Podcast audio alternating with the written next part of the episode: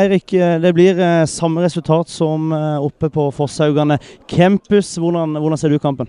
Nei, Det er jevn og tett kamp, så vi er jo på to forskjellige bølger. der Vi bygger et ungt lag inn, mens Start har totalt motsatte. Og et voldsomt aldrende lag i forhold til oss, så er det klart at det, det ser litt mer rutinen kanskje litt der òg, men Det er mye ungt på Start òg? Vi er ikke 17-18 år. Så det, oss er det gammelt. Så uh, vi har litt annet uh, inntrykk på det. Så, så uh, han er eldstemann på laget, så ser jeg vel sett. Så det å bikke disse kampene er, er rett. Det er derfor vi taper. Men kommer det kamper i november, får vi håpe. Da håper vi kan ta start. Så vi får se.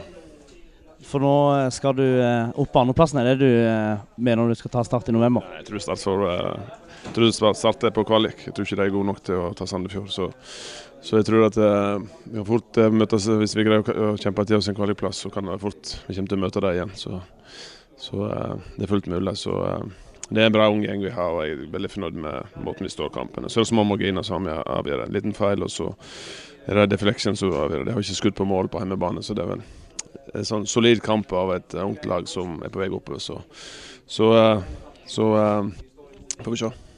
Helt til slutt, eh, Erik Bakke, du har en eh, Erik Schulz eh, rett ved siden av deg. Hva syns du om profesjonaliteten han viser i dag, som tross alt skal til start om, om fire, fire måneder? Altså, nå skårer jeg på mål i mål, så skudd utenfor alt, men han gir nå alltid full gass. Og. Jeg har sagt han før, jeg skjønner ikke hvorfor han skal her. Han har kunnet gått til mye større og bedre klubb enn Start der de er. så det er klart. Man vil jo hjem til mor da, så få litt kjøttkake.